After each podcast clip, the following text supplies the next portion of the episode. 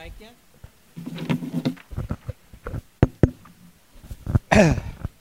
Uh, selamat pagi, selamat hari Minggu.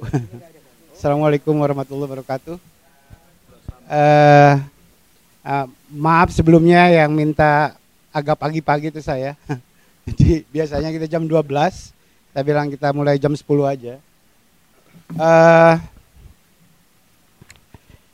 kita sudah tadi seperti disampaikan Bung Ade, uh, ada ada gejala yang disebut di dalam perdebatan uh, politik mutakhir uh, meredupnya demokrasi di dunia sebenarnya. Agak melemah begitu. Negara-negara yang sangat kuat demokrasinya selama ini seperti negara Eropa Barat Amerika Serikat misalnya itu dinilai sekarang mulai uh, menurun tingkat demokratiknessnya, tingkat kedemokrasiannya. Misalnya yang tadinya sangat toleran menjadi kurang toleran. Itu terjadi, itu gejala global. Jadi negara yang sudah demokrasi sangat maju pun, seperti di Eropa Barat, seperti di Amerika Utara, itu mengalami kemunduran. Nah, negara yang sedang berusaha berdemokrasi, seperti Indonesia dan banyak negara yang lain, itu banyak yang mundur, setback. Menjadi kembali ke negara yang otoritarian atau setengah otoritarian, kira-kira kayak gitu. Kayak Filipina misalnya, itu jadi kansen. Kayak Thailand, itu bubar-bubaran tuh, kayak Thailand. Jadi ada gejala itu. Terus makin mendapatkan makin mendepat makin mendapatkan pembenarannya saya bukan penyanyi jadi kalau penyanyi itu bisa sekali pakai ini. Mendapatkan pembenarannya ketika negara yang otoritarian itu mendapat panggung di dunia. Dalam hal ini RRC Republik Rakyat Cina. Itu negara otoritarian tapi mendapatkan kekuatan baru di dunia.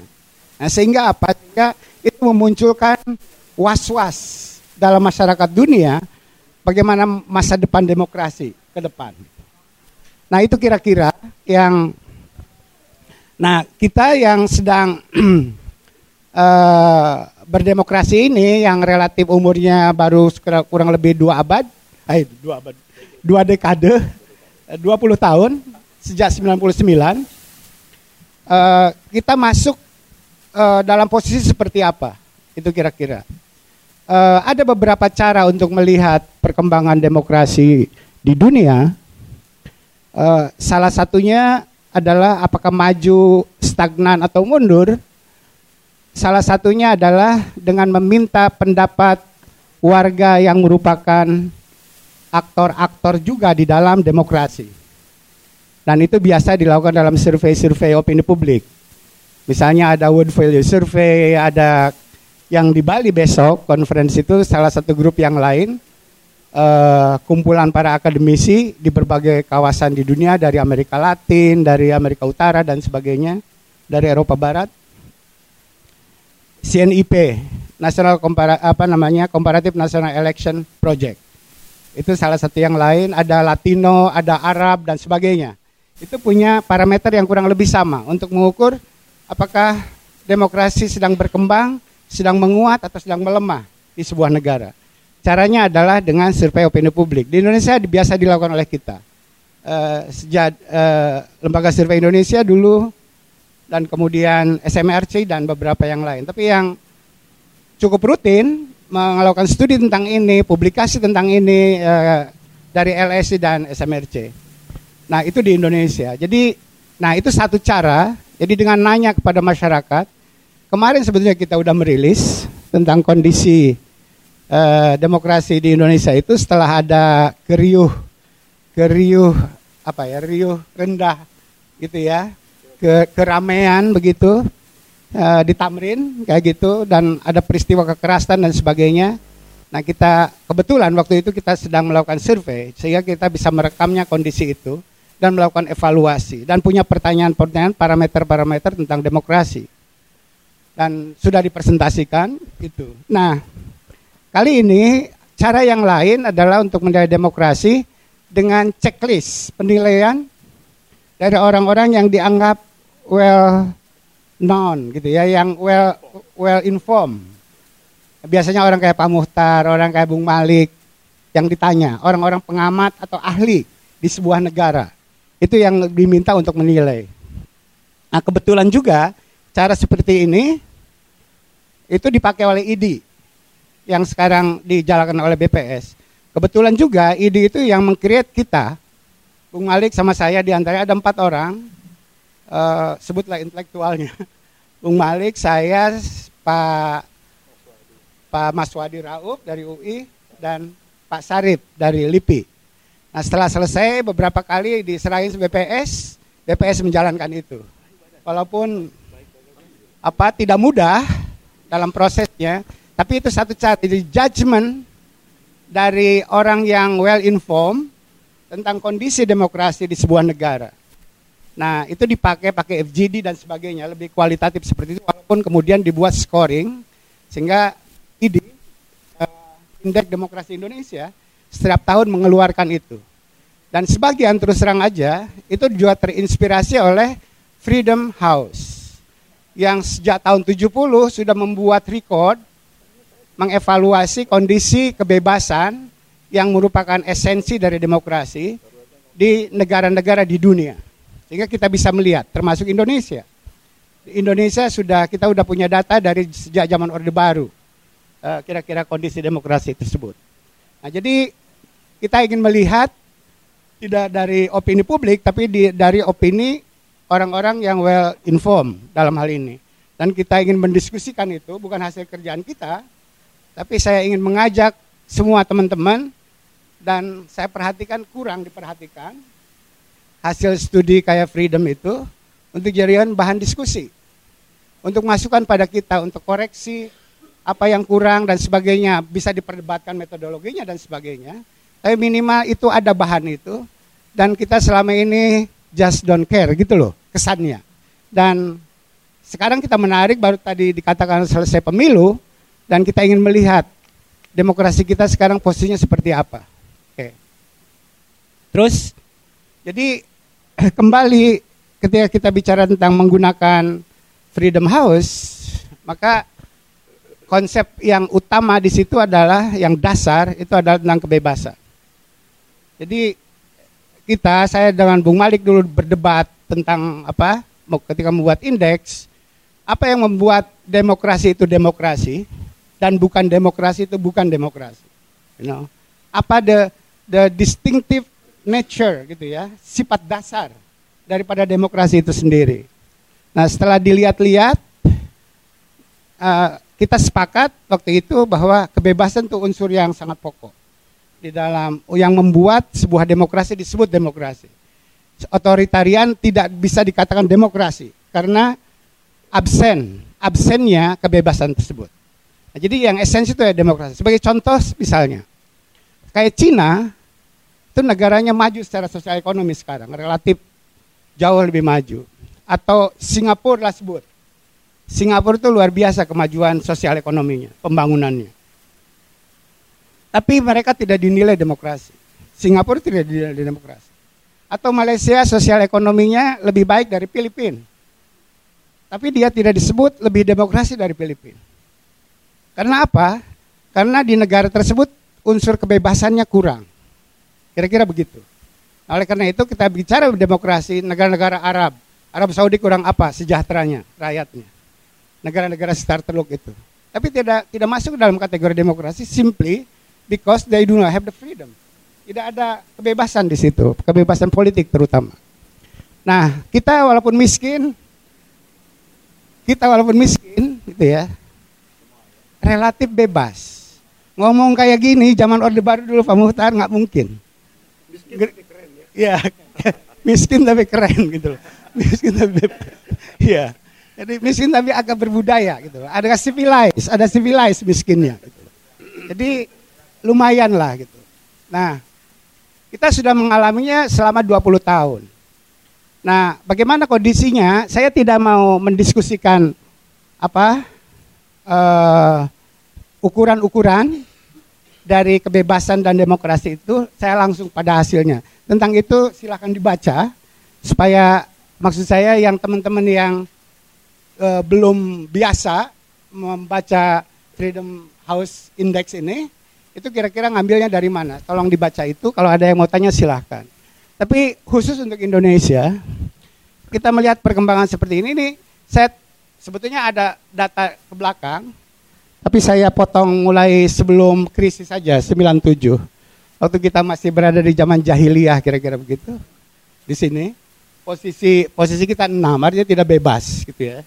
Ini uh, cara membacanya semakin sedikit rendah itu semakin bagus, semakin bebas. Uh, skornya antara 1 sampai 7.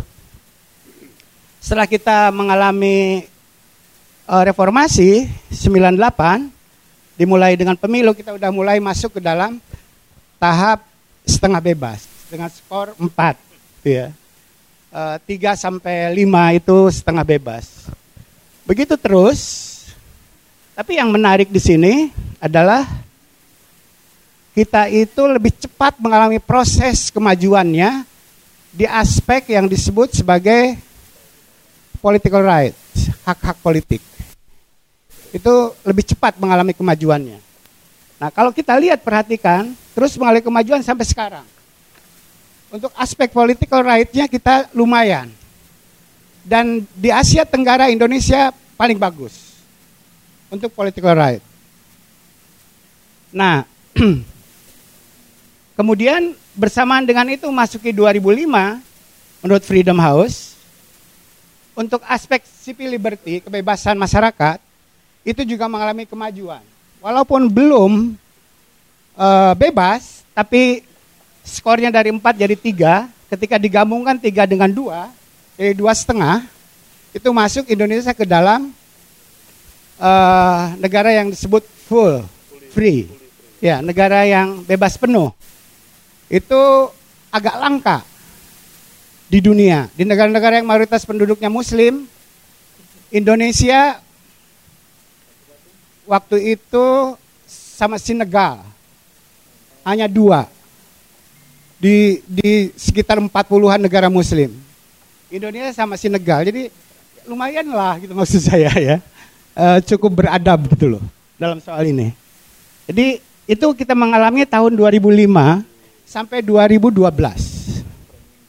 Jadi aspek kebebasan tuh. Aspek kebebasan tuh apa? Ini yang ini yang uh, yang perlu dielaborasi lebih lanjut. Tapi sebelum saya elaborasi, saya ingin menunjukkan lagi, setelah 2012 masuk 2013, kalau political right-nya tetap stabil, yang ideal dia harus menjadi satu, tapi kenapa dia nggak bisa satu-satu gitu, nggak bisa turun-turun? Ada aspek di situ yang sangat fundamental yang harus diselesaikan. Ada masalah. Sementara yang civil liberty 2013 masuk di 2011 dia memburuk. Dari tiga turun lagi menjadi empat. Nah, aspek yang membuat ini walaupun relatif stabil sampai sekarang stagnan dua tapi tidak tidak masuk ke satu seperti yang dialami Korea Selatan, dialami oleh Taiwan misalnya di Asia sebagai contoh. Uh, posisi ini sama kita dengan India, political right-nya. Uh, itu adalah ada satu aspek salah satu yang paling utama adalah tidak berkembangnya political pluralism. Pluralisme politiknya kurang berkembang. Jadi warga dengan latar belakang identitas beragam itu hak-hak politiknya didiskriminasi, kurang lebih kayak begitu. Orang dengan identitas ini ukurannya ukuran ukurannya manusia ya, bukan ukuran beragama atau tidak beragama. Ukurannya sejauh dia manusia ya sudah diperlakukannya sebagai manusia. Freedom House ini.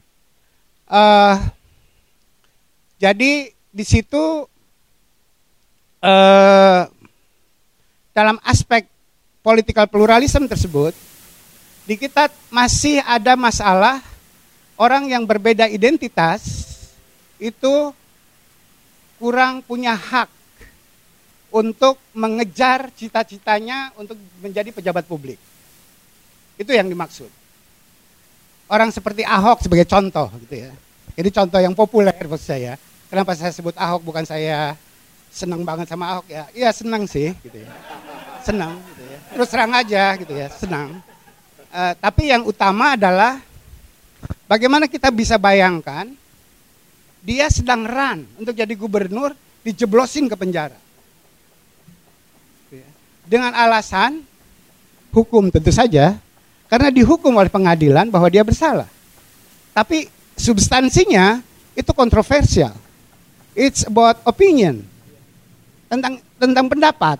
Di dalam ukuran ini pendapat tuh nggak bisa dihukum. Oleh karena itu, itu satu contoh dan banyak kasus-kasus yang lain yang menunjukkan political pluralism kita belum kuat dan bahkan uh, menurun gitu ya. Nah di sini kalau bicara tentang electoral proses, pemilihan pilpres dan seterusnya yang kemarin dibilang tidak adil, apalagi curang, enggak kalau menurut Freedom House, it's not. Itu tidak benar. Itu bagus banget kita kalau dalam electoral proses. Yang tidak ada atau kurang itu adalah di dalam political pluralism tadi.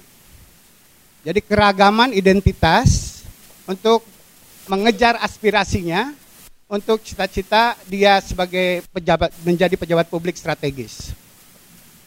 Misalnya kalau saya terang-terangan nyebut saya LGBT. Aku homo deh dan mau run sebagai gubernur di DKI didiskriminasi. Pasti akan ter, terjadi apa? sembahyang tahajud bermalam-malam untuk mencegah saya jadi gubernur sebagai LGBT gitu. Misalnya Ya, itu itu yang terjadi. Atau Anda nyebut saya eh, kebetulan kalau ini opini publik. Saya tanya, misalnya ini sebagai contoh aja. Kalau Anda warga DKI, ini ini pertanyaan nasional. Kalau Anda warga DKI dan punya hak pilih dalam pemilihan gubernur, ini ditanyain sama orang Aceh sampai Papua. Siapa yang akan Anda pilih?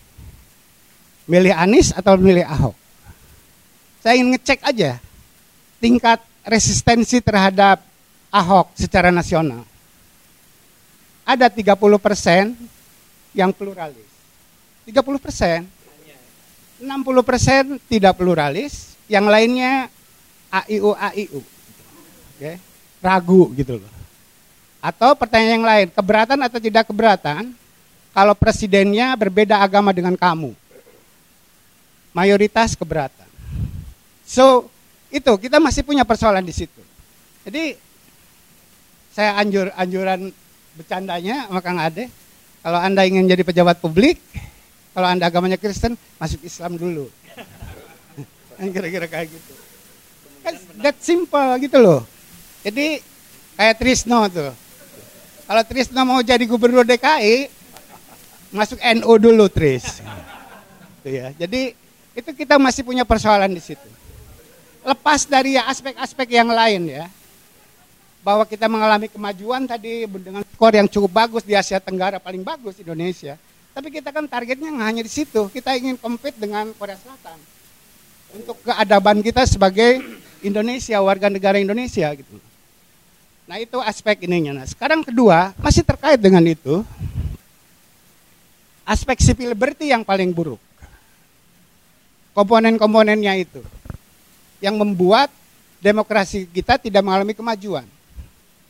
Aspek civil liberty yang dimaksud itu adalah salah satunya adalah satu kebebasan berkeyakinan dan menjalankan keyakinannya, agama dalam hal ini. Kalaupun ada, sebagai contoh aja, Tris. Sebagai Trisno ini seorang seorang Kristen yang taat. Gitu ya. Makanya kalau ngomong agama saya sering sama dia. Uh, kelihatan di wajahnya. kelihatan di wajahnya. Uh, kebebasan beragama itu didefinisikan oleh negara hanya untuk orang-orang penganut agama tertentu. Oke, dan negara ikut campur agama yang sah di Indonesia itu apa? Freedom House nggak mengenal itu soalnya. selama dia itu manusia, mau apa pun agamanya ya udah diakomodasi. Tidak beragama apa pun diakomodasi. Nah itu di Indonesia yang masih jauh kayaknya pemuka. Itu masih jauh. Karena konstitusi kita juga begitu. Ketuhanan yang Maha Esa, jadi semua orang harus beragama. Kalau Anda nggak beragama, Anda diam-diam aja, nggak usah ngomong. Jadi kita diajari memang untuk bohong juga. Gitu. Kalau ada orang yang tidak beragama, kemudian harus ngaku beragama. Nah itu jadi masih panjang ceritanya, itu fundamental. Tapi kan kita sempat tiga gitu loh. Berarti ada perbaikan kan enggak kalau soal itu. Itu itu tidak mengalami banyak banyak perbaikan soal kebebasan tersebut. Nah, cuma ada eskalasi belakangan kekerasan terhadap kelompok-kelompok minority. Itu masih lama, makanya kurunnya itu mulai masuki 2013. Orang Syiah diusir, orang Ahmadiyah masih itu penyakit lama, tapi eskalasinya menguat. Seiring dengan adanya kebebasan e, berorganisasi, menyampaikan pendapat dan seterusnya. Itu itulah apa kondisi di mana uh, toleransi dan pluralisme belum tumbuh dengan baik di satu sisi, tapi di sisi lain ada kebebasan diberikan di dalam masyarakat, di dalam demokrasi yang belum matang. Itu biasa terjadi, bukan hanya di Indonesia. Nah, jadi kebebasan beragama dan menjalankannya itu masih persoalan. Tapi bersamaan dengan itu adalah uh, ada langkah-langkah dari negara untuk batasi kebebasan sipil ini dengan alasan konstitusi tentu saja. Kalau Freedom House kan mengevaluasi konstitusi itu dari manusia. Jadi konstitusi itu diterima atau tidak? Kalau ditanya ke saya, konstitusi Indonesia itu fundamentalnya apa? Menurut saya udah kemanusiaan yang adil dan beradab. That's it. Nanti agama dan lain-lain masuk ke situ. Jadi kalau Bung Karno dulu gotong royong, cuma satu diperas peras peras kemudian jadi gotong royong kalau tanya ke kita mungkin saya kemanusiaan yang adil dan beradab tapi kita punya aspek-aspek yang tadi secara konstitusional bisa mendiskriminasi minoriti kebebasan beragama menjalankannya dan sebagainya tidak bisa berkembang dengan baik karena konstitusi kita belum memungkinkan untuk itu. Itu pertama. Kedua adalah negara tadi saya, saya sebut ikut campur mendefinisikan agama orang. Kan negara mendefinisikan agama yang diakui oleh di Indonesia kan itu. Islam, Kristen, Katolik, Hindu, Buddha, dan Konghucu. Saya tanya sama orang Konghucu, Konghucu itu agama bukan, dia ketawa. Bukan mas. Apa itu? Filsafat. Saya kira iya. Dan dia merasa lebih bangga punya filsafat daripada agama. Itu lagi. itu itu keren banget tuh orang bilang. E, itu merendahkan mas. Kalau Konghucu dianggap agama, dia bilang gitu. Jadi Konghucu itu adalah filsafat, filsafat lebih keren daripada agama dia bilang gitu. Jadi kalau kalau lihat evolusi peradaban kebudayaannya Pak siapa namanya yang terkenal? Pan Pan Pan Pan Person ya. Iya, pan person itu uh, strategi kebudayaan itu. Ya, oh, iya. ya kan? Sebelum filsafat kan memang agama dulu tris. gitu loh. jadi jadi kalau dikatakan agama itu lebih biadab daripada filsafat, ya kira-kira itu ukurannya. Gitu. Oke. Okay? Jadi jadi uh, negara ikut campur mendefinisikan agama orang. Dan itu dalam norma-norma kebebasan dan demokrasi itu tidak dibenarkan. Yang jelas-jelas agama misalnya apa? Yahudi. Saya sih, saya bukan orang Yahudi gitu. Tapi di sini nggak diterima. paling dekat pada Islam sebetulnya. Paling dekat pada Islam, pada Kristen. Dan ngakui orang Yahudi ya itu agama gitu loh. Sementara orang Konghucu yang ngakunya bukan agama diagamain gitu loh. Seenak-enaknya gitu loh. Maksud saya. Jadi negara masih ikut campur urusan ini, itu satu. Kedua, walaupun saya tidak setuju dengan FPI, tidak setuju dengan HTI, tapi negara melarang mereka itu juga merusak kebebasan sipil kita. Biarkan saja. Kita kan beragamanya berindonesia pede. Percaya diri gitu Bung Malik. Silahkan aja Anda mau bikin khilafah berdebat sama kita gitu. Silahkan. Nah tapi sebagian orang yang mengaku dirinya NKRI ini sebetulnya merusak NKRI itu merusak bagi saya melarang orang-orang seperti ini bertentangan dengan Pancasila dan macam-macam seperti itu. Nah itu itu juga merusak. Jadi uh, bukan saya dukung FPI, bukan saya mendukung ECTI atau uh, ISIS termasuk yang melakukan kekerasan itu. Sebagai organisasi silakan saja. Tapi begitu dia sekali melakukan kekerasan itu masalah hukum. Udah hukum masalah. Jadi di sini masalah rule of law juga masalah yang lain. Kenapa uh, kebebasan sipil kita kurang berkembang? Bukan hanya di tingkat masyarakatnya, tapi di peranata-peranata untuk mendukung itu juga kurang kuat. Saya saya berspekulasi sedikit. Sebagian besar sipil liberty kita kurang berkembang itu karena asumsi di tingkat elit politik bahwa orang-orang yang tidak menghargai manusia itu itu dianggap begitu besar secara elektoral. Saya mereka cenderung mau kompromi. Ya sudah, kompromi aja. Udah tahu-tahu kata polisi dia melanggar hukum, pergi ke sana nggak diapa-apain tuh di sana. Jadi tidak ada di situ uh, supremasi hukumnya, tidak ada di situ sebagai rule of law-nya. Di situ tidak ada apa uh, apa namanya uh, ketegasan uh, pelaksanaan dan menjalankan hukum sesuai dengan yang kita anut. Kira-kira kayak begitu. Nah, mereka cenderung kompromi-kompromi dengan itu. Jadi selama padahal itu itu hanya persepsi dan tidak ada buktinya dalam sejarah Indonesia orang-orang konservatif yang tidak toleran nggak pernah berkuasa di Indonesia. Dari sejak Indonesia berdiri, dibuka lagi kebebasan sejak 99 nggak pernah menang. PKS ya PKS segitu-gitu gitu loh. P3 ya segitu-gitu gitu. Yang selalu ber, berkuasa di Indonesia itu adalah partai-partai sekuler. Partai nasionalis mereka menyebutnya. Harusnya tidak ada kekhawatiran tentang itu. Jadi dasar ya gimana ya? tidak ada komitmen terhadap nilai-nilai tadi ya yang memperlakukan kesetaraan manusia sebagai warga negara itu.